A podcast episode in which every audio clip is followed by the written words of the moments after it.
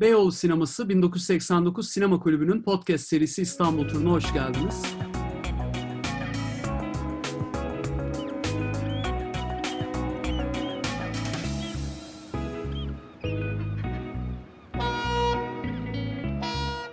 Ben Hakan Bıçakçı.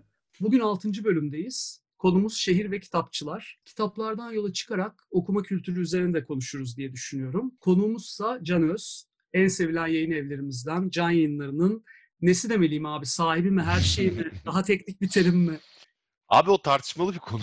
Çünkü ya aslında ben tabii genel müdürüydüm yayın evinin. Sonra e, anayasal e, sınırlarıma çekilip yönetim kurulu başkanı oldum. Sahibi biraz şey tuhaf bir laf zaten. Yani böyle züğürt ağa gibi bir şey oluyor. Bir de yani bir, şöyle bir şey olmuştu hiç unutmuyorum. Yıllar önce bir e, etkinlikteyiz işte Ayazva diye futbol takımımız var ve Eskişehir Üniversitesi'nde salondayız ve Bağış Erten bizim takım kaptanı beni genel yayın yönetmeni olarak tanıttı Can.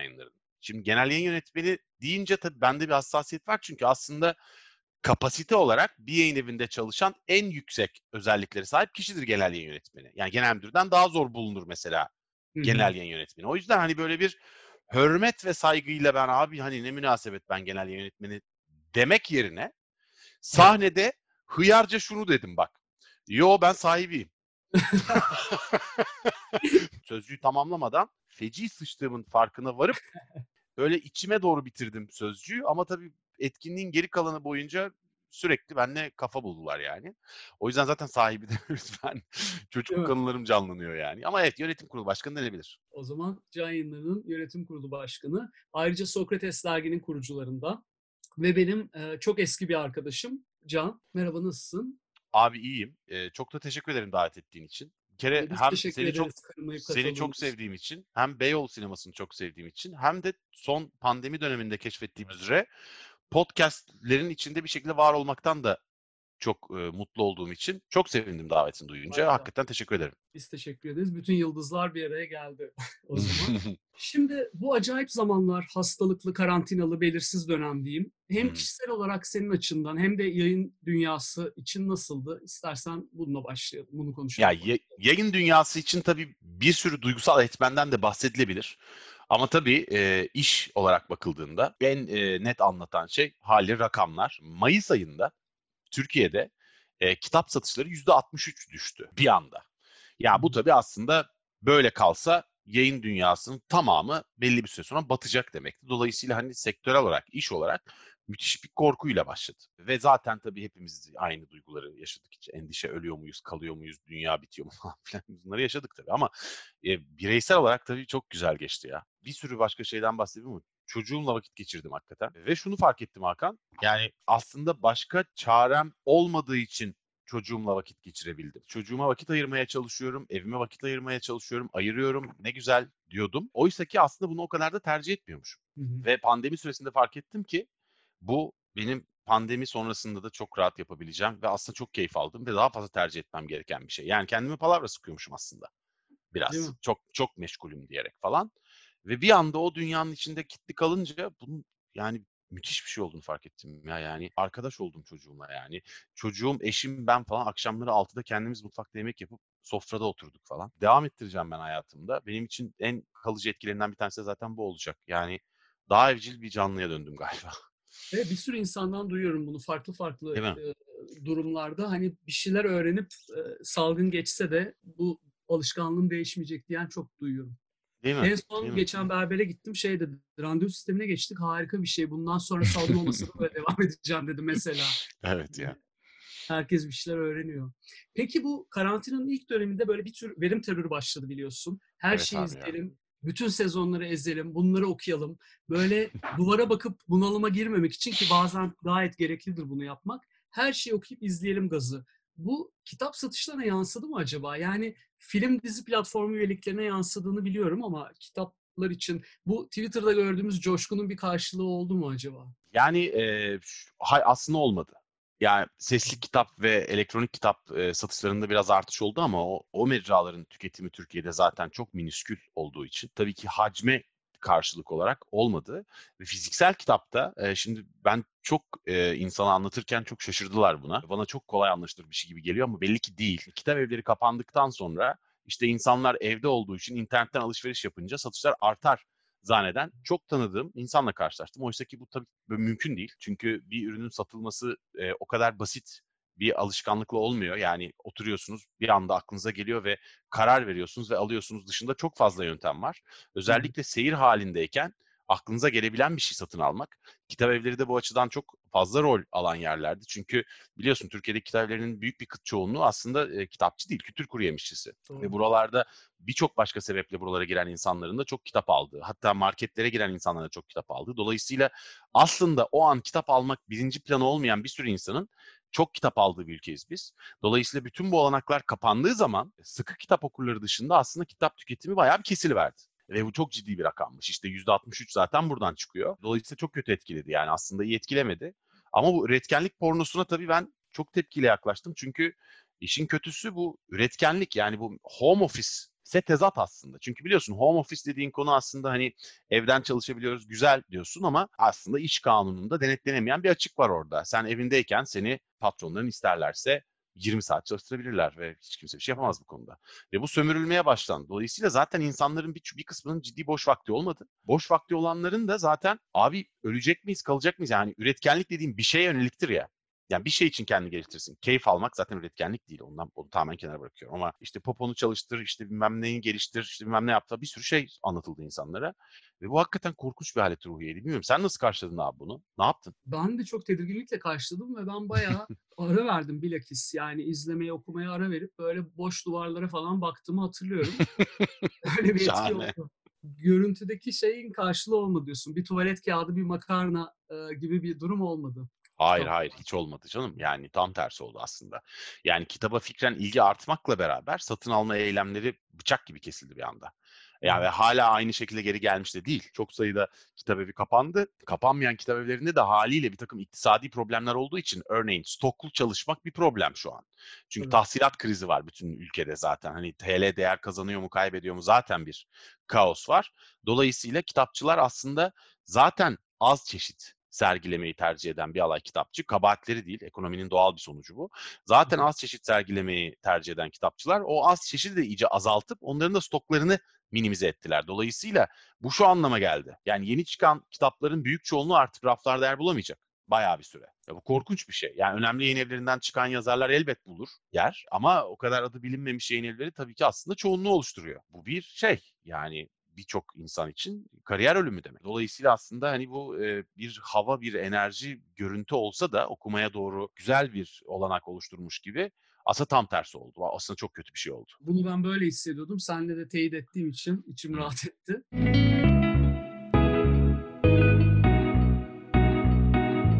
Peki e, Sokrates'te neler oluyor? Dergi Almanya'da daha doğrusu Almanca konuşulan Avrupa ülkelerinde yayınlanıyor. Bunu biliyorum. Doğru. Başka nasıl gelişmeler var? Abi Sokrates tabii çok e, enteresan bir süreç oldu bizim için. Çünkü pandemiyle karşılaşınca haliyle biz tek refleksimiz e, hani herkes bir kere e, sağlıklı olsun, evine gitsin ve e, bir de Sokrates batmasın. Yani bu ikisini nasıl sağlarız? Bunların hepsini çözmekle kalmadık. Hakikaten orada dijital dönüşüm da kitapta olmayan oldu orada gerçekten. Çok büyük bir ilgi oldu dijital çalışmalara. Bir anda ciddi bir büyüme oldu Sokrates'te. Dolayısıyla zaten işte son dönemde çok ciddi dijital yayıncılık atılımları yaptı Sokrates. İşte Mehmet Demirkol Sokrates'e geçti. İşte Çağıl Özgü Özkul Sokrates'e geçti. Kaan Kural Münhasıran Sokrates'e geçti falan. Bayağı televizyon kanallarıyla aşık atabilen en azından çalıştığı insanlar ve rekabetçi ücretler ödemek konusunda bir yeni medya kuruluşuna döndü Sokrates. Yani YouTube kanalı olan bir dergiden bir anda müthiş bir yere giden bir yeni medya kuruluşuna döndü ve tabii çok büyük bir enerji girdi işin içine. Ya yani orada tam tersine hakikaten birebir senin söylediğin işte o dijital neleri değiştirdi dijital iş yapan işleri ne kadar değiştirdiğini birebir yaşıyorum. İnanılmaz bir e, tempo ve ritim ve büyüme e, ilmesi kazandı Sokrates o yüzden. Ben de dün konuk olarak katıldım Sokrates'in Sinema Var programına. Bugün de sen iade ziyaret yapmışın gibi oldu. Muhtemelen de yakın zamanlarda yayınlanırlar diye tahmin ediyorum. Peki kitaplara geçmeden önce onları neden okuduğumuzu belki düşünerek başlayabiliriz. Biraz ısınma amaçlı. Yani bu neden okuyoruz, izliyoruz tabii ki çok çok genel bir soru. Ama bununla ilgili teoriler de var. Mesela insanın kendinden öte olmaya yönelik içgüdüsel eğilimi. Kurmacı okumak gerçekten kendini bir başkasının yaşamı üzerinden görebilmeni sağlıyor. Bu aslında ben hep şeyi düşünürüm. Okurla yazarı da çok yakınlaştıran bir durum. Hı hı. Bu beden dışı deneyim yani out of body experience denilen fenomen yazar da kendisinden çıkıp bir karaktere dönüşüyor. Okur da kendisinden çıkıp o karaktere dönüşüyor. Aslında iki tarafta kendisinden çıkıp başka bir alemde buluşuyor gibi bir durum var. Abi Ee, tabii sen bir de böyle e, bu söylediklerine denk gelen hikayeler de yazdığın için artık iyice iyice. Hakan Bıçakçıception'a doğru gidiyoruz şu an. Doğru. Ee, ama abi bak mesela şey bana hep çok ilginç gelir. Şimdi sen tabii hakikaten yazarsın, bir de iyi bir yazarsın ve meslek olarak da yazarsın ve tabii çok daha iyi üzerine düşünüyorsun bu konunun. Tabii ben yayıncı olduğum için çok aşırı neşir olmakla beraber senin hasıl olduğun dünyaya o kadar hasıl olamıyorum. Ama şeyi hatırlıyorum. Üniversitedeyken öykü yazıyordum ben. Tamam iyi öyküler değil. Hani bu o zamanlar iyi olduğunu zannediyordum ben. Ve öykü yazıyordum işte bir takım yerlerde yayınlanıyordu falan bunlar. Mesela bir öyküyü gerçekten bitirdiğimi hissettiğim zaman yayınlandığında değil ama bitirdiğimi hissettiğim zaman ki duygu hayatta çok az şeyde ettiğim bir, edindiğim bir duygudur yani. Hı hı. Ya böyle bayağı o bittikten sonra dışarı çıkıp yürürken bayağı ayaklarımın altında çimlerle ayaklarım arasında bir mesafe var ve uçuyormuşum gibi bir duyguydu o yani. Sana nasıl geliyor abi? Yani yazdın ve bir eseri bitirdin. Mesela atıyorum doğa tarihini bitirdin. tuhaf bir his oluyor aslında. Dediğin ne çok iyi anlıyorum. O duygu hep oluyor aslında. O, ya bir noktada zaten bitirmeye karar veriyorsun. Aslında bitmesi çok göreceli bir şey ya. Tabii. Bir sürü şey de acı da çekiyorsun tabii bu süreç içinde. Bitirdim ama aslında belki bitirmemem gerekiyordu. Daha iyi olabilirdi. O daha iyi olabilirdinin sonu yok zaten. Hani mükemmelliyetçilik ve özgünlük e, takıntısı zaten insanı yazmaktan da soğutan bir şey biliyorsun. Ben mesela hep şeyi baştan kabul ediyorum. Tamamen özgün ve kusursuz bir şey olmayacak. Kusurları olacak, bir şeylere benzeyecek. Yani Kafka'nın atmosferine benzeyecek. Oğuz Atay'ın kara mizahı olacak. Bir sürü yazardan etkiler olacak. E, Bununla zaten barışınca aslında çok daha rahat oluyor insanın yazması. Tabii. Öbür türlü gerçekten başka bir süreç. Yani size eminim o yığılan dosyalar arasında ve o dosyayı getirenler arasında şeyi görüyorsunuzdur. Mesela yayıncı bir arkadaşım anlatmıştı yıllar önce. Birisi dosya getiriyor ve o aralarda çok fazla dosya geliyor. Biraz bunalmış durumdalar. Hmm. Arkadaşım da diyor ki türü nedir diyor. Ona göre yani kategorize edecek. Bu diyor dünyada böyle bir tür yok. İlk defa ben yazdım diyor. Ondan sonra bizim arkadaşımın siniri bozuluyor. Biz o kadar iyi bir yayın evi değiliz. Sen al bunu başka yere götürdün. Hani biz bunu hak etmiyoruz deyip yollamış. Sonra da Abi- merak da ettim diyor. Abi o yani bayağı Dunning-Kruger ama zaten. Yani canlı yayınlarına gelen dosyalarda iletişim kurulan kişi de şunu çok sık görüyorduk. Tabii ki bu yüzde yüz değil ama büyük oranda gerçek. İyi okumuş. İyi yazan olması gerekli değil ama iyi okumuş. Yani edebiyatla ilişkisi güçlü olan birinin yazdığı metni teslim ettiğindeki tavrıyla iyi okumamış, edebiyatı iyi bilmeyen birisinin dosya teslim ederkenki tavrı arasındaki ukalalık farkı akıl almaz derecede siyahla beyaz gibi ayrı. Biliyor çünkü bir de ya, okumuş bir şeyler falan. Doğal olarak bir tevazu üretiyor herhalde. Çok şaşılacak bir şey değil. Ama az okumuş kişideki ukalalık, o altı boş özgüven inanılmaz bir şey. Yani mesela hakikaten virgülle noktalı virgülün farkını bilmeyen, cümle kuramayan, tümce kuramayan, paragraf ne yapılır bilmeyen, kitabını 40 puntoluk bir boyutta dokümanla bize teslim eden ve korkunç bir metin yazmış kişinin dosyası reddedildikten sonra elindeki dosyayı sallayarak yeni dos sıradaki Dostoyevski'yi kaçırdığınızın farkında değilsiniz diye bağırması mesela. Çok güzel. Ya kaldı ki haklı olsa bile sıradaki Dostoyevski, sıradaki Dostoyevski'yi kaçırdığınızın farkında değilsiniz diye bağırmazdı diye tahmin ediyorum. Yani sonuç olarak. Ve bunun gibi o kadar çok vaka var ki. Benim ama unutmadığım matrak şeyden bir tanesi. Bu Yine birisi geliyor yayın evine. Thomas Bernhard onlaması yazmış. 10 kitabı da yazdınız mı? Evet 10 kitabı da yazmış. Kitaplar 10'ar sayfalık Word dosyalarından oluşuyor. Ve İngilizce. Beyefendi niye İngilizce yazmayı tercih ettiğiniz de- dendiği zaman. E çünkü yaptığım araştırmalar sonucunda e, dünyada geleceğin dilinin İngilizce olduğunu tespit ettim. ve dünya çapında bir yazar olmak için elbette başka bir şey düşünmek mümkün değildi. Çok iyi. Karşısındaki editör ismini vermeyeceğim. Beyefendi diyor siz yeterince araştırmamışsınız. Önümüzdeki çağın dili e, Çince. Dolayısıyla siz eğer ki bu alanda dünya çapında bir e, ivme e, arıyorsanız e, dosyanızı Çince yazmanın yolunu bulmalısınız. Deyip paketleyip gönderiyor. Yani ama bu tabii dayanılmaz bir şey bu tabii. Bu söylendiğin üstüne artık hani küfür etmemek için arkadaş dalga geçmiş ama yani bunun gibi çok uçuk e, hikayelerle karşılaşıyor yayıncılar tabii. Ama e, ya ben en azından kendi adıma şunu söyleyeyim sana. Mesela bana da e, dosya gönderenler oluyor bazen. Ya ben artık yayın evinde bir görevim olmamasına rağmen siz okuyun istedim diye. E, abi bir kere çoğunlukla kıyamıyorum zaten hayır demeye, okumayayım demeye. Okuyorum bazen, bazen hiç vaktim oluyor evine paslıyorum falan. Ve hiç beğenmiyorum tabii bunları çok büyük oranda. Ama abi karşıdaki ne kadar yetersiz olursa olsun ya kıyamıyorum ya bir şey söylemeye biliyor musun? Çok zor iş.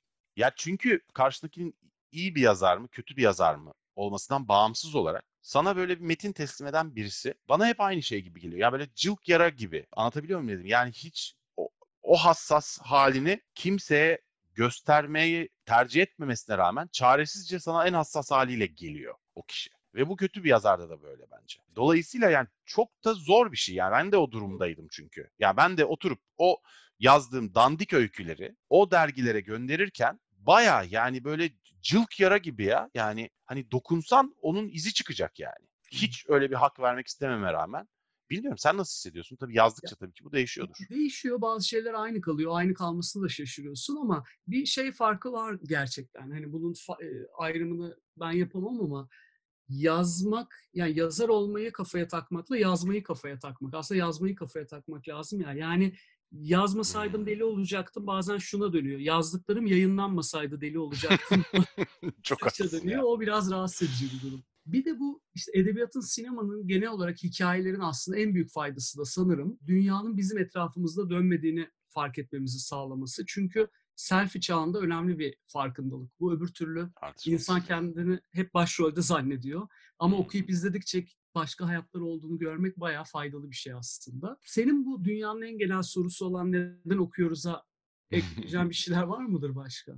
Ya neden okuyoruzdan ziyade mesela okuduğumuz neden bizde iz bırakıyor'yu düşündüğüm zaman ben okumanın bir birçok farklı sebebi var. Yani ben ilk neden okumamın sebebi annem babamın oku demesiydi zaten. Elime kitap tutturmalarıyla başladı iş ama okuduğum şeylerin iz bırakması mesela tabii olgunlaşıp 20 yaşı geçtikten sonra falan iş değişiyor haliyle. Başka hayatla ilgili görüşlerin oluşunca özellikle toplumla ilgili görüşlerin güçlenince falan çok daha başka okumalar yapıyorsun ama ondan önce yani daha böyle genç ilk genç bir okurken 14 yaşlarında falan hayatımda olan kritik, beni çok etkileyen olaylara denk gelen kitaplar beni mesela çok etkilemiş. Ya o kitabın ne kadar iyi olduğundan bağımsız. Ve o kitapları ben daha sonra mesela 10 yıl, 20 yıl sonra okuduğum zaman aslında hatırladığımda alakası olmayan kitaplar olduğunu fark ettim. Bazen daha iyi, bazen daha kötü. Çok ilginç yani halet ruhiye sanıyorum okuduğun şeyle kurduğun ilişkiyi de çok etkiliyor ama tabii zaman geçtikçe haliyle makineleşiyorsun yani yemiyorsun sonuçta duygularını o kadar yani. Hatırlıyor musun ilk gençliğinde okuduğun kitaplardan nasıl etkileniyordun? Yani en çok neyle, neden etkileniyordun? Aslında böyle tabii ki çocuk kitaplarıyla başlayıp bir sürü şeyinden etkileniyordum ama ilk sanırım Stephen King'in romanlarıyla böyle bir ilk etki o zaman oldu sanırım böyle ortaokul evet yıllarında. Herhalde öyle başlamış olabilir. Sonra zaten lisede işte Kafkalar, Camus'ler, Dostoyevski'ler falan girip sarstı bayağı beni ama ilk Stephen King'le olduğunu hatırlıyorum. Çok şaşırdım. Stephen King çok... kolay bir giriş aslında bir bakıma da. Yani evet. iyi, çok iyi bir giriş yani. Evet.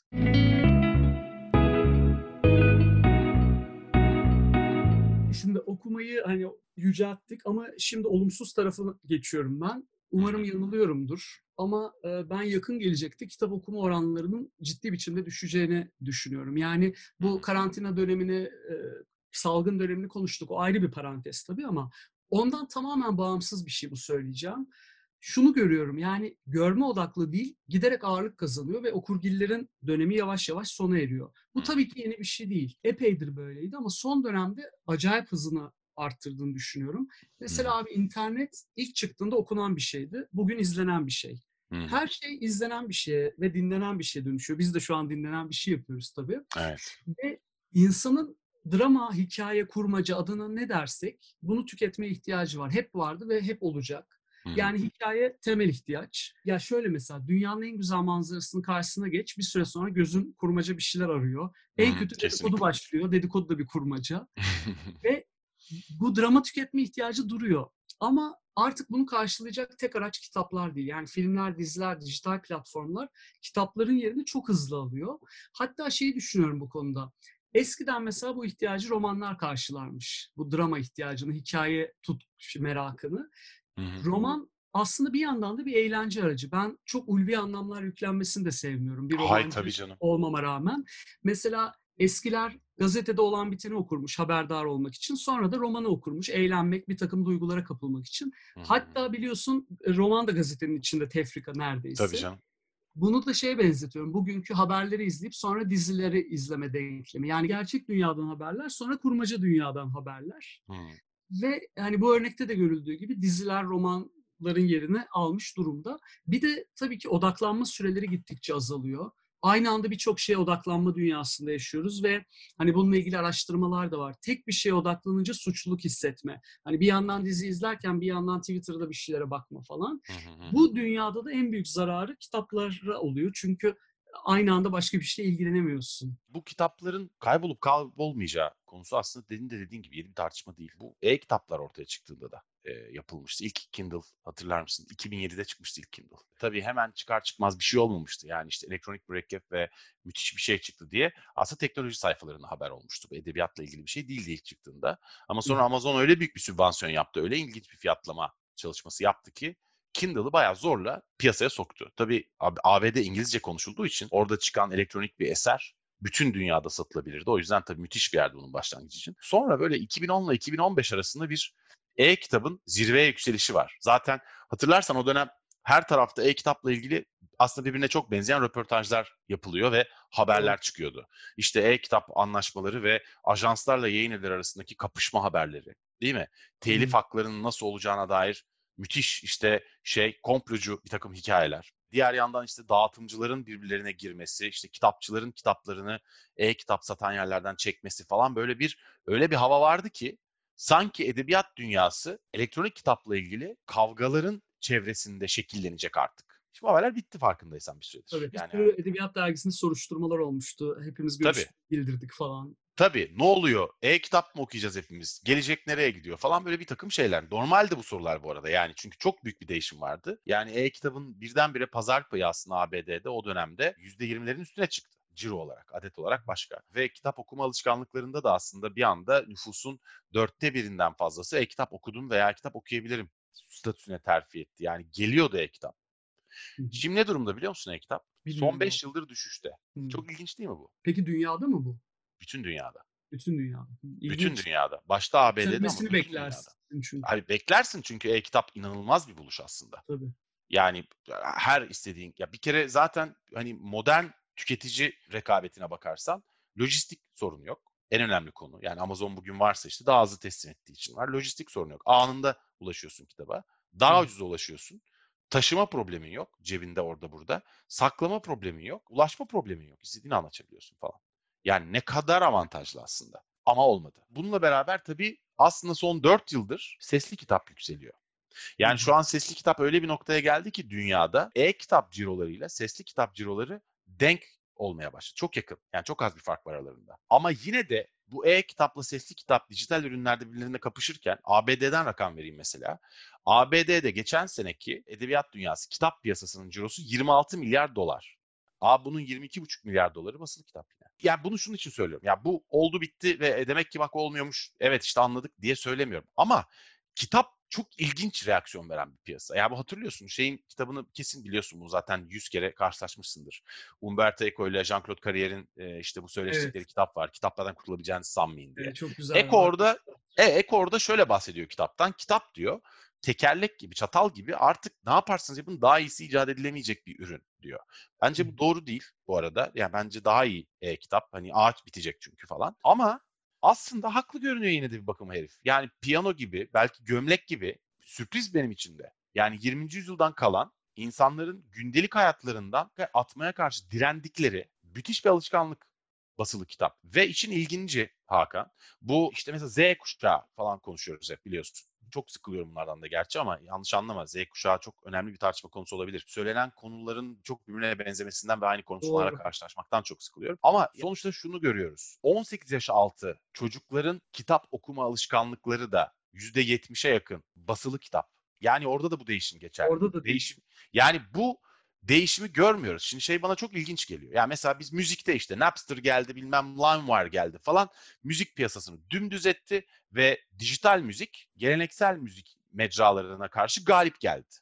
Sonra o basıldı, kapandı, satıldı, atıldı ama dijitalden şu anda hal ortada zaten. Yani Spotify'lar, YouTube'lar falan iş. E, sinemada da aynı şey geçerli. Devasa Tabii. sinema salonları ve işte kasetler, DVD'ler falan, home stüdyolar falan derken bir anda cep telefonları ve bilgisayar ekranlarına döndü. İşte Netflix'ler ve kazandı orası da.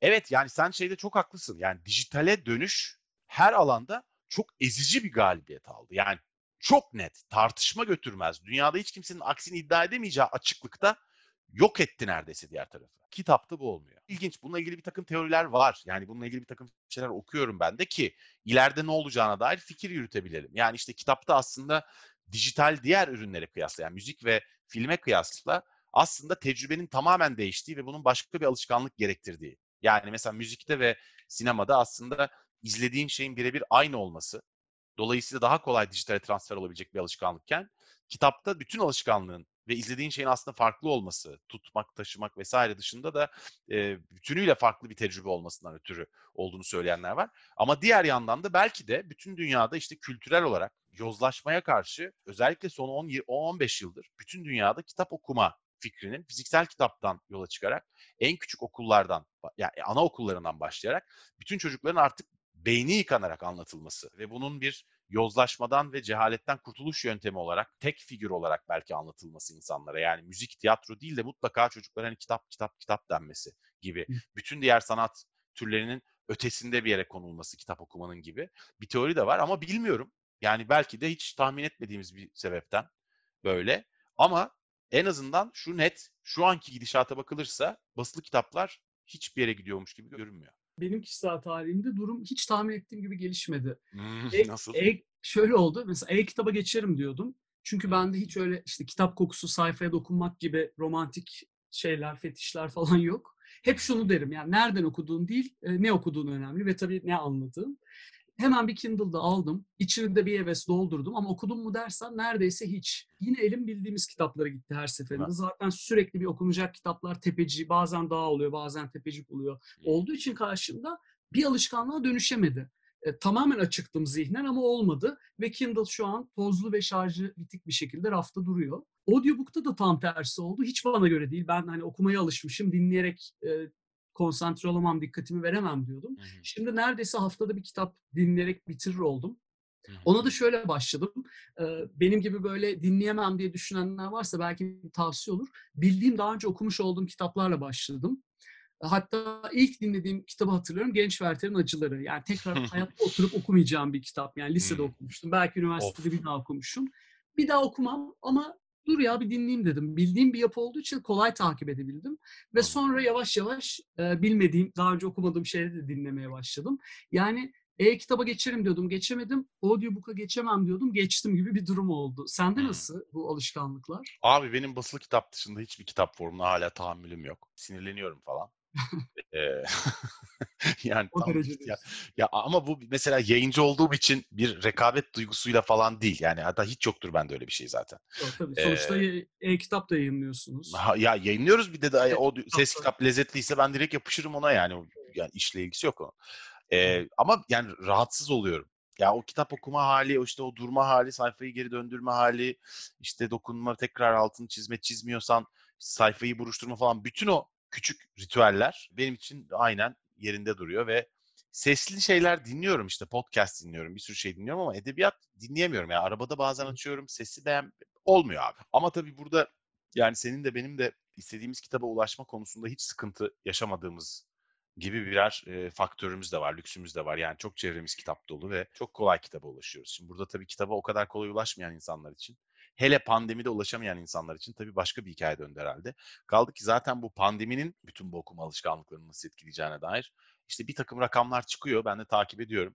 Hatta sen podcast'e çağırdığında en son ne rapor çıkmış diye bir girdim internete. 6 gün önce müthiş bir araştırma çıkmış. Onu okuyayım dedim. 3600 dolar istediler.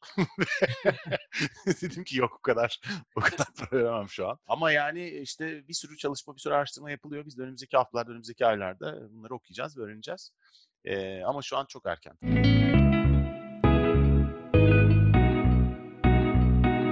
Peki yani her şey bu kadar değişiyorken yayıncılığın mantığı da değişiyor mu? Aslında bu soruyu biraz şeyle birleştireceğim. Gülelim diye paylaşacağım bir örnek var.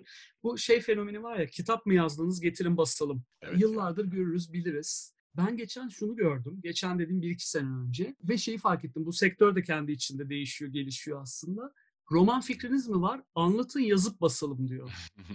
Yani bu bana şunu düşündürdü. Biz hep işte panellerde, edebiyat toplaşmalarında falan konuştuğumuz bir mevzu vardır. Yazarlık ön koşulu zanaat olan bir sanat. Yani yazar aynı zamanda kendi icracısı. Besteci aynı zamanda virtüöz de olmak zorunda değil ya. Ya da senarist yazdığı muhteşem diyalogları bir de etkili bir oyunculukla hayata geçirme Kesinlikle. sorumluluğu yok. Ama yazar hayal ettiği dünyayı bir de etkileyici bir şekilde kağıda dökmek zorunda. Tartışmasız. Bu nedenle de yani hayal gücü gayet geniş, sanatçı ruhlu bir sürü insan hep şunu der. Benim etrafımda da çok vardır, senin de eminim vardır. Ya çok iyi bir fikrim var ama bir türlü oturup yazamıyorum. Tabii. Ve adamlar, çakallar bu boşluğu yakalamış yani. roman, roman fikriniz var, anlatın basal, yazıp basalım diyor. Ya bir Müthiş de bu bir şey. o kadar kabul gördü ki mesela can yayınlarına şöyle şeyler sıkça geliyor. Şimdi dosya gönderiyor, reddediliyor. Hı hı. E peki kaça anlaşırız diyor. Şimdi ne yapacaksa orada kırışacak mıdır nedir? Ve işte hemen oradan o ahlaksız teklif geliyor. Tabii yani parayla kitap bastırmak aslında yanlış bir şey değil. Zaten sonuçta yayıncılığın başlangıcı bu yani biliyorsun sen. Tabii. Gutenberg gidiyor işte kardinale baba para ver İncil basacağım diyor. Alıyor paraları gidiyor. Sonra da matbaayı kurup İncil'leri basıyor da parayı geri ödemediği için bunu dövüyorlar falan. Aachen'da yaşıyor tamam mı? 1448. Aachen'da bu böyle ikonalar yapıyor falan. Aachen şehir yönetimi de bir gün bunu çağırıyor. Diyorlar ki Charlemagne ziyaretimize gelecek bir sene sonra. O yüzden bir e, ikonalar müzesi, Hristiyanlık müzesi bir şey yapacaksın ve işte bunun için sana şu kadar para veriyoruz. Güzel. 6 ay sonra tekrar mesaj geliyor Gutenberg'e. Charlemagne'in ziyareti iptal oldu, paraları geri ver. Bu da diyor ki yok mümkün değil falan ama şehirden sürülmemek için diyor ki müthiş bir e, fikrim var. Parayı vuracağım ve size borcumu geri ödeyeceğim. Sakın beni sürmeyin, bana süre verin. Okey. Gidiyor, Strasbourg'a gidiyor. Geziyor, orada böyle bir sürü şey var. İşte aslında matbuata yakın teknikler üretmiş insanlar var falan. Onları alıp toparlayıp, abi herif bin tane kendi fontunu üretiyor. Bir manyak. Sonunda gidiyor kardinale. Diyor ki, baba İncil'i basacağız ama para lazım. Kardinal de uyanık. Buna 2000 şilin veriyor. Bunun 4000 şiline ihtiyacı var. Ee, diyor ki kalan parayı tefecilerden al. Al sana mektup. Bunu gösterdiğin zaman tefecilerden alırsın. Onları da işte tahsilat için kullanacak kardinal uyanık falan. Neyse bu gidiyor iki tane tefeci buluyor kendi. Bir tane aslında. Şoför adı. Gidiyor şoföre işte diyor ki böyle böyle şoför hemen atlıyor tabii kardinalin mektubu olunca. Ama diyor ki istediğin paranın yarısını ben veririm. Yarısı da damadı var füs bak. Orada da damat çıkıyor bir yerden. Diyor ki damadım füs paranın yarısını da o verecek. Damadım da senle beraber matbaada çalışacak. Yoksa vermem parayı diyor tamam mı? Gutenberg kabul ediyor. Füs'le beraber bunlar gidip matbaada çalışıyorlar tamam mı? sonra, sonra bu basılıyor İncil'ler, Gutenberg İncil'leri falan ama işte esas bu aynı konuya denk gelen yere geldik. Tabii o dönem etraftaki zenginler görüyorlar böyle bir şey olduğunu, matbuat, ne güzel kitaplar üretilebildiğini falan. Kendi kitaplarını yazdırtıp bastırtıyorlar Gutenberg'e. Yağlı ballı bir iş. Zaten ondan sonra patlıyor matbaalar. Edebiyatla falan alakası yok yani. Neyse sonra abi bu paraları ödeyemiyor. Bunu e, şoförle füs alıp şehir meydanında eşek sudan gelinceye kadar dövüyorlar. Sonra hatta kardinal Vatikanlı derdi oluyor. Vatikan'a kardinal 20 bin şilin rüşvet veriyor. Sonra onu geri ödemiyor. Kardinali dava ediyorlar. Aynı anda şehir merkezinde kardinalle aynı dönemde dava ediliyor Gutenberg. Davada da şu ortaya çıkıyor. Bu herif de gidip etrafa 20 bin şilin de borç takmış. Yani çok da borç takmış falan. Bunlar inanılmaz. Bunların ikisi birden şehirden sürülüyor ve zaten sonra bir ara geliyor bir şey için gidiyor falan ama abi herifin şeyi yok. Mezarı yok. Adamın zaten matbaayı esas bu noktaya getiren kişi olduğu 100 sene sonra Kopernik falan ortaya çıkıp işte aydınlanma çağı falan başlayınca ulan kitapla başladı bu. Bunu başlatan kim falan diye böyle soruştura soruştura Gutenberg'e varıyorlar. Gutenberg'e vardıktan sonra da bu Gutenberg'in hep böyle bir Gutenberg'in resmi vardır ya sözüm ona. Abi uydurma o. 100 sene sonra sağdan soldan gelen tariflerle yapılmış. Yok yani. Robot Ya resim. özet ha bu böyle ben ha bu yayıncılığın da en iyi anlatıldığı hikaye olabilir dünyada. Yani dolayısıyla bu var ya bu. Ya getir hocam sana yazalım. Ya bu bizim işte can yayınları, iletişim yapı bizim yaptığımız değil abi yayıncılık. Bizim yaptığımız başka bir şey. Esas yayıncılar bunlar. Yani tarihsel olarak baktığın zaman hocam biz sana yazarız. Gerçek yayıncılık bu yani maalesef. Bu aslında şimdi hayalet yazar, hani ünlüler açısından hep vardı bu hayalet yazar. İşte bir sporcu mesela anlatıyor yazıyorsun ama artık günümüz dünya, sosyal medya dünyasında herkes ünlü ya. O yüzden artık Evet ya. herkes için bir hayalet yazarlık olabilir. Tabii tabii. Bak orada beni en çok rahatsız eden ne biliyor musun? Ya mesela işte ya herhangi bir şeyi kitaplaştırmak veyahut da birini anlatıp onun başkası tarafından hayalet yazar tarafından. Bunlar iyidir, kötüdür ayrı. İyisi de olabilir, kötüdür. Abi beni en çok rahatsız eden şey olduğundan daha fazlasını oynayan tipler. Yani çünkü bunu yaptığın zaman eğer başarılı olursan sen edebiyat dünyasında senden gerçekten çok daha iyi olan insanların hak ettiği itibarı haksız yere onlarla paylaşmaya çalışıyor oluyorsun aslında. E, Ve bu çok rahatsız edici bir şey yani. Ayıp bir şey, iğrenç bir şey, tepki gösterilmesi gereken bir şey, kızılması gereken bir şey. En azından kendi adıma öyle düşünüyorum. Onun dışında İsteyen istediğine yazdırsın abi bize ne? Benim bir kere başıma benzer bir hayalet yazarlık teklifi gelmişti. Çok absürt böyle. Valla. Bir iş yeri sahibi çağırdı beni. Muhabbetim de var. Bir, sana dedi anlatmam gereken bir şey var. Bir akrabası kendisi için çok anlamlı, çok değerli ama insanlık için hiçbir önemi olmayan bir e, hikaye. Hisli hisli anlattı, fotoğraflar gösterdi. Ben de bir şey diyemiyorum. Basiretim bağlanır ya bana niye anlatıyorsun bunları? Ben ne yapacağım diyemiyorum. Biz çaylar kahveler içtik. 45 dakika boyunca ben fotoğraflar eşliğinde dinledim, dinledim. Yazık ya. Di- diyemiyorum bir türlü. Ee, sonunda şey dedim. Peki dedim ben ne yapacağım yani bunda?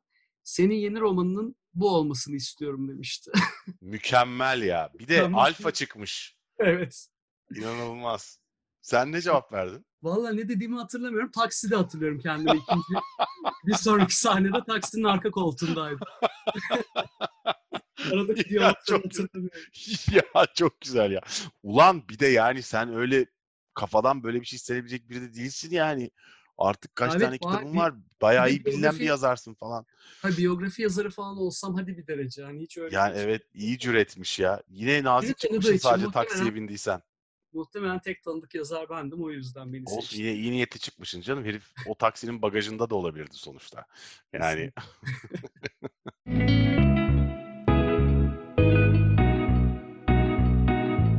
yazarlıktan aslında batıdan da, batıdaki durumlardan da bahsettik. Orhan Pamuk'un Nobel alması sonrası Türkiye'deki Hı hı. yazarlara yoğun bir ilgi vardı. Hı hı. Benim mesela iki yıl içinde 7-8 dile çevrildi yazdıklarım. Evet. Sonra bir daha da uzun yıllar hiçbir çeviri olmadı. Hı hı. Bu e, sanki Batı bizi artık merak etmiyor. Yani bu tabii ki kendimden örnek verdim. Sırf ben olsaydım daha çok üzülürdüm ama ülke adına daha iyi olurdu. Böyle değil. Bütün tablo bu. Sen çok daha iyi Doğru. biliyorsun. Yani o Nobel sonrası anlık bir meraktı sanırım. Yok oldu gibi. Ya bir de o sadece Nobel'den de ibaret değildi o dönem. Yani Nobel müthiş bir şeydi ve Orhan Pamuk'un Nobel'i almasıyla bağla, bağdaştıracak şekilde söylemiyorum bunu. Bence hak edilmiş bir Nobel o.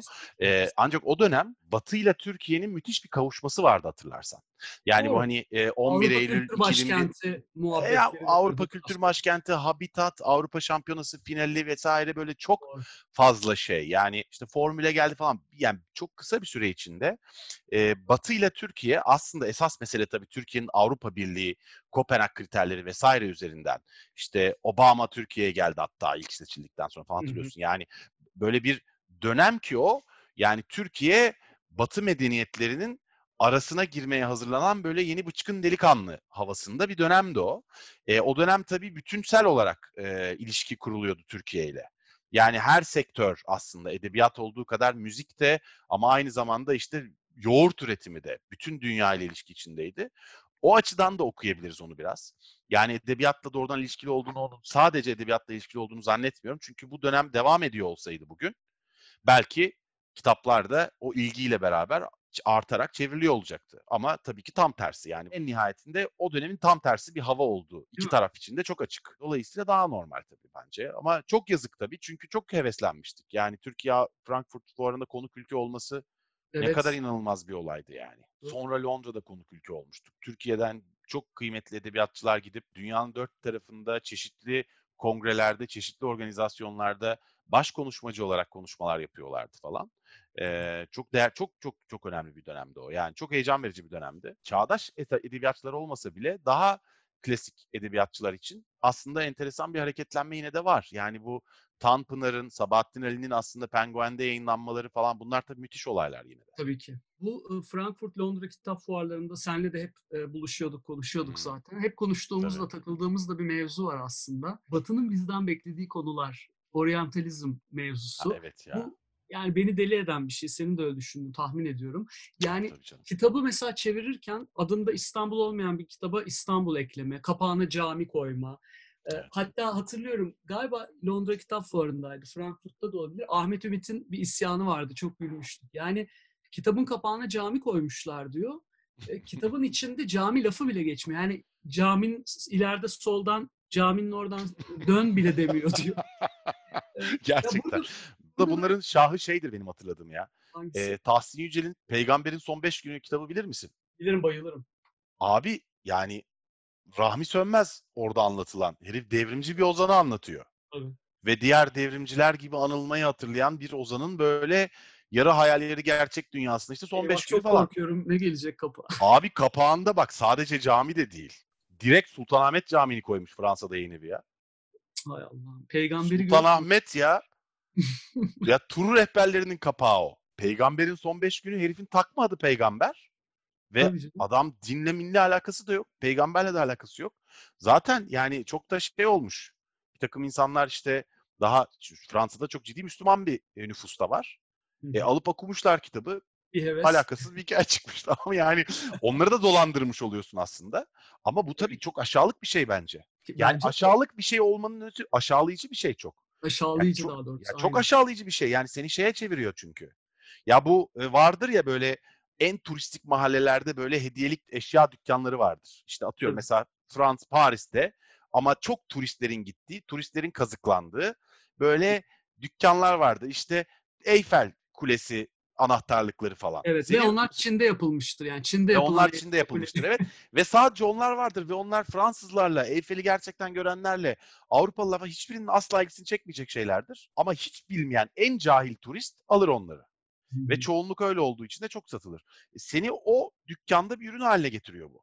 Ya bu şeye benziyor abi. Mesela bak düşünsene. Camus'un yabancısının kapağına bizim e, baget ekmek koymamız falan gibi bir şey bu. Veya düşünsene yani Virginia Woolf'un kapağına mesela David Beckham'ın fotoğrafını falan koyuyorsun. Tamam.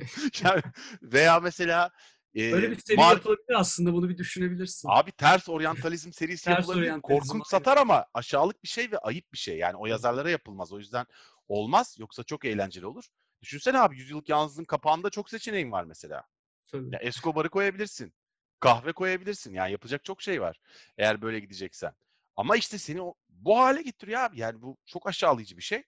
Ee, ama bu seni aşağılayanların suçu olduğu kadar senin e, kader kurbanı gibi öfkeyle cevap verebileceğin bir şey de değil bir taraftan. Çünkü bu en nihayetinde beş tane ana dil var biliyorsun dünya edebiyatında takip edilen. Yani işte İngilizce, İtalyanca, Fransızca, Almanca, İspanyolca. Bu diller dışındaki diller aslında hep dil bariyerinden mağdurlar. Yani dünyadaki, bütün dünyadaki bu ülkeler dışındakiler de dahil yayın evlerinin editörleri bu beş dil dışında dil bilmezler genelde. Çok enderdir yani.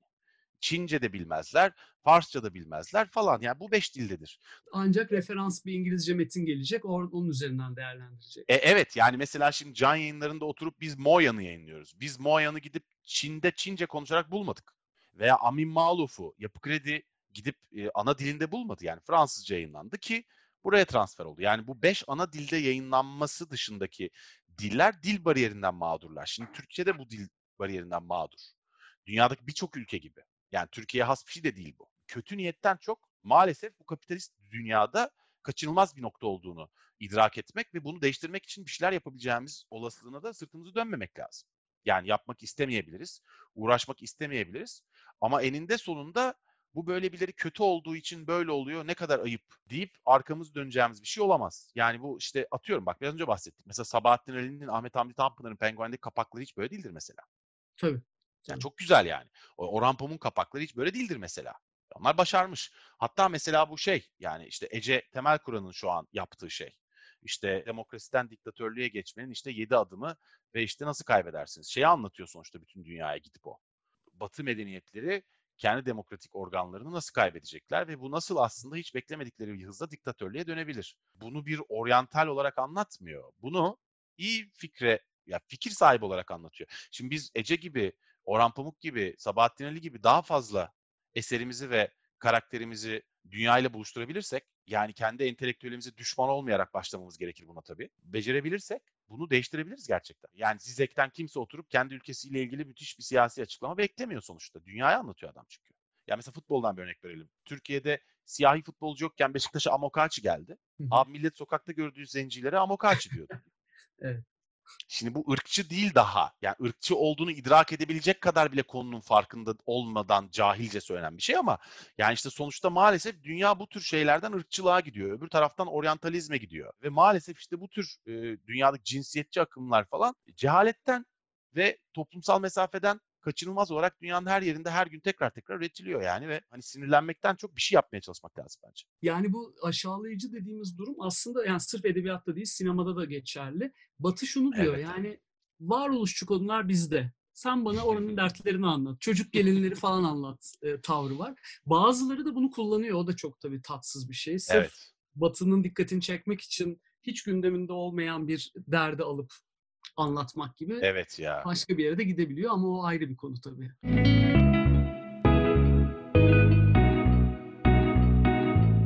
Peki çok yine geniş aldık ve çok iyi oldu bence bu geniş alma. Hı. İstanbul'a ve İstanbul'un kitapçılarına gelirsek. Yani İstanbul'un kitapçıları denince yani kitapçılar, sahaflar Hı e, hı. aklıma benim hep kapanan kitapçılar geliyor. Bu Değil çok mi? üzücü ama öyle. E, ya senin için de anlamı olan kitapçılar, sahaflar paylaşabileceğin var mı? Şu an hayattalar mı? Abi çok var. Yani çok ya benim için zaten hep en çok gittiğim kitapçılar var. Yani hep çok sahafa gitmezdim ben. Hala çok sahafa gitmem. Yani bir özellikle eski bir kitap arıyorsam zaten hemen bir şekilde bulabilirim. Tabii ki geçerken uğrarım, ederim falan. Ama normal daha çok e, direkt e, kitapçıya, direkt kitapçılara çok giderdim. Yani tabii bizim e, can yayınları Galatasaray'da olduğu için Galatasaray'daki yerlere çok sık giderdim haliyle. Yani Robinson'a çok gidersin işte atıyorum. Mephisto'ya gidersin sürekli. Ama Simurg'a gidersin ama Nezih'e gidersin ama bilmem karşıdaysan Bakırköy'deysen Beyaz Adam'a gidersin. Pandora'ya gidersin, Remzi'ye gidersin falan. Ya çok çok yere giderdim ama ben mesela şeyi çok güzel hatırlarım hep. Kelepir kitap evleri vardı abi hatırlar mısın? Evet, evet çok iyi hatırlıyorum. Ya onları mesela ben çok severdim. Yani o e, Evet. AFA yayınları çıkarmıştı galiba. AFA yayınlarının yeriydi evet. Ucuzdu kitaplar, onu hatırlıyorum. Evet evet İnanılmaz ucuzdu ve oraya girip ben orada çalıştım iki ay. Ee, oradan inanılmaz iki ayın parasını bir arada alıp aynı gün o paranın yarısını Kelepir'deki kitaplara öbür yarısında Megavizyon'daki kasetlere harcamıştım. Hiç unutmuyorum. İki ay çalışıp yaklaşık bir buçuk saatte bütün parayı tüketmiştim. Evet ama Kelepir'de çalıştığım sürede tabii neyi alacağını çok iyi biliyorsun. Yani Tabii. artık bütün rafları dizip bir de manyak gibi raf diziyordum sürekli. Üst katta fazla da müşteri yoktu. Ben de üst katın sarsılmaz sorumlusu olarak. Senin neresi var abi? Nereler var? Ya benim mesela e, kitapçı ve sahaf eşit galiba gezme. Yani Hı. hala Galatasaray'daki sahaflara giderim mesela. Çoğu benim ge- gittiğim sahafçılar, işte çarşısı, pasajlar hep şeye döndü. Test kitapçılarına e, döndü biliyorsun. Şeylerin, Sorma ya. sahafların ucuza kitap bulmanın yanı sıra şeyi ben çok seviyorum. Alakasız kitapların bir aradalığı. Yani Yüzde yüz. Kitapçılarda böyle değil tabii. Kitapçıda belli bir mantığa göre sıralı. Yani yazarlar bir arada, dünya farklı Tabii, ülke tasnif. edebiyatları bir arada. Çok iyi bir tasnif var. Sahaflarda yani tarot büyüleri yanında taş devrinden Osmanlı'ya Urfa ya. tarihi. Onun Ve yanında bir yandan evet abi. Beyaz Onu- dizinin yanında genç Werther'in acıları durabiliyor. tamamen onu diyecektim. Onun yanında Fransızca bir judo kitabı falan böyle. Hatta Çok şey gibi ya. bazen bakıyorum bunlar birleşip bir şey mi anlatmaya çalışıyor acaba? Burada bir şey var. Burada bir hikaye Abi var. ne saçma şeyler almışımdır ben de sahaflardan. Yani sahaftan evet ben hep saçma asla almayacağım kitap almışımdır sahafa gidip. Yani aradığım kitabı sahaftan almam. Çok doğru söylüyorsun ya. Bir de bir de Yani şu var. eski İstanbul haritalarıyla dolu böyle bir şey. Fransızca kitap da mesela buluyorum. Evet. İstanbul'un o tarihlerde bin, e, 19. yüzyılın sonunda İstanbul'daki bütün gezi planlarını tek tek turistik bir kitap olarak yazmış. Elle de çizmiş Fransızca. Abi kitabı okuduğun zaman bayağı o gün İstanbul'u geziyorsun ama. Ya inanılmaz yazılmış çünkü. Şimdi bunu böyle bir şey almak aklıma gelmez yani benim. Hiç aramak da aklıma gelmez böyle Ya bir kitap. Ama geldiği sahafta böyle- buluyorsun. öyle bir kitabın varlığından orada görünce haberdar oluyorsun. Evet kesinlikle ya. Ben de bir ara toplardım böyle çok tuhaf kitaplar. Yani işte 101 büyü diyor. Tek tek büyüleri anlatıyor. İşte görgü kuralları ama tabii akla zarar görgü kuralları kitapları. Evet. Hala saklarım hatta böyle. Hani e, o tuhaf kitapların bir aradalığı gördüğün an varlığından haberdar olduğum kitaplara rastlama açısından sahafların yeri Ya ben bir kere şey bulmuştum bir sahafta mesela. Şeyin Vahşet'in Çağrısı İngilizce e, ikinci basım dünyada. Dünyada. Oo, 1905 falan. Abi ya onu ama mesela bunu da aramıyordum yani. Öyle karıştırırken çıkacak kitap mı karıştırırken çıktı. Yani inanılmaz bir şey o. İnanılmaz bir kitaptı yani. O, o- ama yani onun ondan sonra hemen çok kıymet veren birisine hediye ettim falan tabii ki yani de. Yani sonuçta ben oturup kitabı biliyorum onu. Yazık olur. Ama e, şey aklımın ucundan geçmez böyle bir kitabın orada bulunabildiği. Çok acayip. Ba- Bakalım şeyler ne kadar dayanacak yani bu işte son kalan sevdiğimiz kitapçılar, sahaflar. Kitabın kalıcılığından bahsettin ya aslında Tabii. mantıken onların da birlikte kalıcı olması lazım. Yoksa Perakendenin kalıcılığı o- bir tuhaf bir yerde tabii. Perakende başka bir yerde. Ama e, şunu görüyoruz dünyanın birçok yerinde Türkiye'deki şu an Türkiye'ye özgü ekonomik şartlar da kitap evlerinin tabii işini çok zorlaştırıyor. Ama daha uzun soluklu baktığında e, dünyanın birçok yerinde kitap evleri ve perakende zincirleri özellikle büyük yerler, büyük kitap evleri büyük bir hızla kapanırken e, aslında özel ilgiye yönelik küçük küçük kitap evleri e, büyük bir hızla türüyor. Yani bu özel ilgi meselesi Türkiye'de e, ne kadar hızlı yayılacak, ne kadar gelişecek tam olarak kestirmek mümkün değil ama yani umuyorum öyle olur. Yani umuyorum uzmanlaşmış kitap evleri açılır. Yani çok iyi bir polisiye kitap evi mesela olması Evet. ne kadar güzel olur. Yani veyahut da çok iyi bir e, Osmanlıca e, kitap evi, Osmanlıca eserlerin sadece satıldığı ve orada onu bilen insanların olduğu bir kitap evi mesela ne kadar güzel olur. Veyahut da işte atıyorum e, Çağdaş Türk Edebiyatı üzerine uzmanlaşmış, bütün hepsini çok iyi etüt etmiş ve ilişkili kitapları anlatabilen bir yer ne kadar güzel olur. Var birkaç tane ama az tabii. Çok daha fazla olabilir. E, dünyada böyle bir eğilim var ama bu eğilimler tabii bir anda yarı yolda da kesilebiliyor. Bilemiyoruz. Perakende için ne boyutta olacağı bir muamma abi. Yani şey fiziksel kitaplar var ama fiziksel kitapların satışı çok büyük bir mi? hızla dijitale kayıyor. Yani o kayıyor. ya o çok, karşı durulması çok zor görünüyor şu an. Evet, o yüzden o sahaflarda karşılaşıp varlığından o an haberdar olduğumuz kitapların hiçbir zaman haberdar olmayacağız gibi bir durum var. Ya da bilmiyorum evet. belki bir şekilde o mantığın da online'a tercüme edilen bir şey olacak. Ya Gözüküyor. insanların elden çıkaracağı kitapları oldukça sahaflar bir şekilde olacaktır diye tahmin ediyorum ben. Bir takım sahaflar bugün kapanıyor ve bu çok üzücü ama e, yarın başka sahaflar belki yine açılacak. Ben zannetmiyorum sahaf kültürünün bir yere gideceğini ya.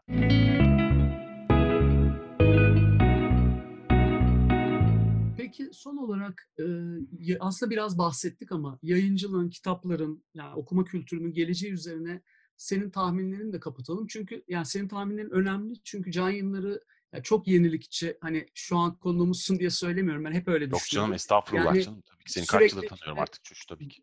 Ye- Yeni kapaklar, işte cep kitapları gibi farklı formatlar, özel tasarım, konsept kitaplar gibi. Hani böyle hep yeni projeleri olan bir yayın evi olarak hani bu Hı hı. okuma kültürünün geleceğiyle ilgili neler düşünürsün? Yani nesne olarak kitabı çok önemseyen e, çok insan var artık. Ve bu insanların sayısı gittikçe artacak. Dolayısıyla kitabın değişik formlarda üretilmesi ve aynı zamanda değişik formlarda üretilirken tabii değişik fiyatlarda da üretilmesi e, kaçınılmaz olarak gittikçe önem kazanıyor. Ama ne yaparsan yap, ne kadar değişik formda üretirsen üret. İşte bu paperback yani işte Giant'ın da klasik baskısı tipi e, dünyada her zaman en çok üretilen kitap türü olacaktır.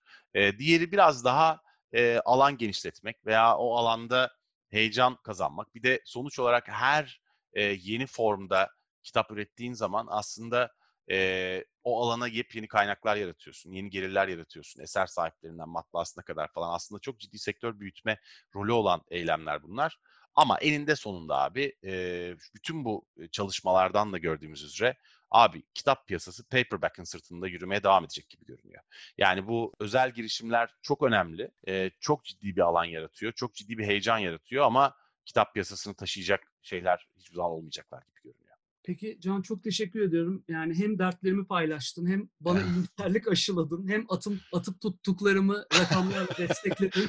Ben senden daha fazla tut tuttum abi inan ya. Ya, Ukalalık yapıp saçmaladıysam dinleyiciler de kusura bakmasın. Bazen birçok konuda konuşurken kendimi kaptırıyorum. Çok teşekkür ederim. Ama Hakan'la tabii çok iyi arkadaş olduğumuz için tabii çok rahat konuşuyoruz. Dolayısıyla aslında belki de kusura bakmaları lazım. Çünkü gerçek kimliğime daha yakın bir halde olmuş oluyorumdan dolayı. Yani bu aslında yanlış değil, doğrudur muhtemelen. Abi çok teşekkür ederim ben de gerçekten. Ee, çok e, keyif aldım. Bir de bu podcast'i biz bitirdikten sonra da bu podcast içinde söylenir mi bilmiyorum. Artık buluşup bir bira içelim ve podcastsiz de sohbet edelim. Çok özlemişim seninle konuşmayı. Kesinlikle. Kesinlikle öyle. Anlaştık. Buradan söz veriyorum herkesin huzurunda. İlk taksiyle uzaklaşıyor olay yerinden. Evet, Abi e, şeye e, Beyoğlu sinemasına da ayrıca çok teşekkürler bu podcast için organize ettikleri için ve tabii ki var olmaya ve çalışmaya devam ettikleri için ayrıca. O zaman hoşçakalın. Hoşçakalın.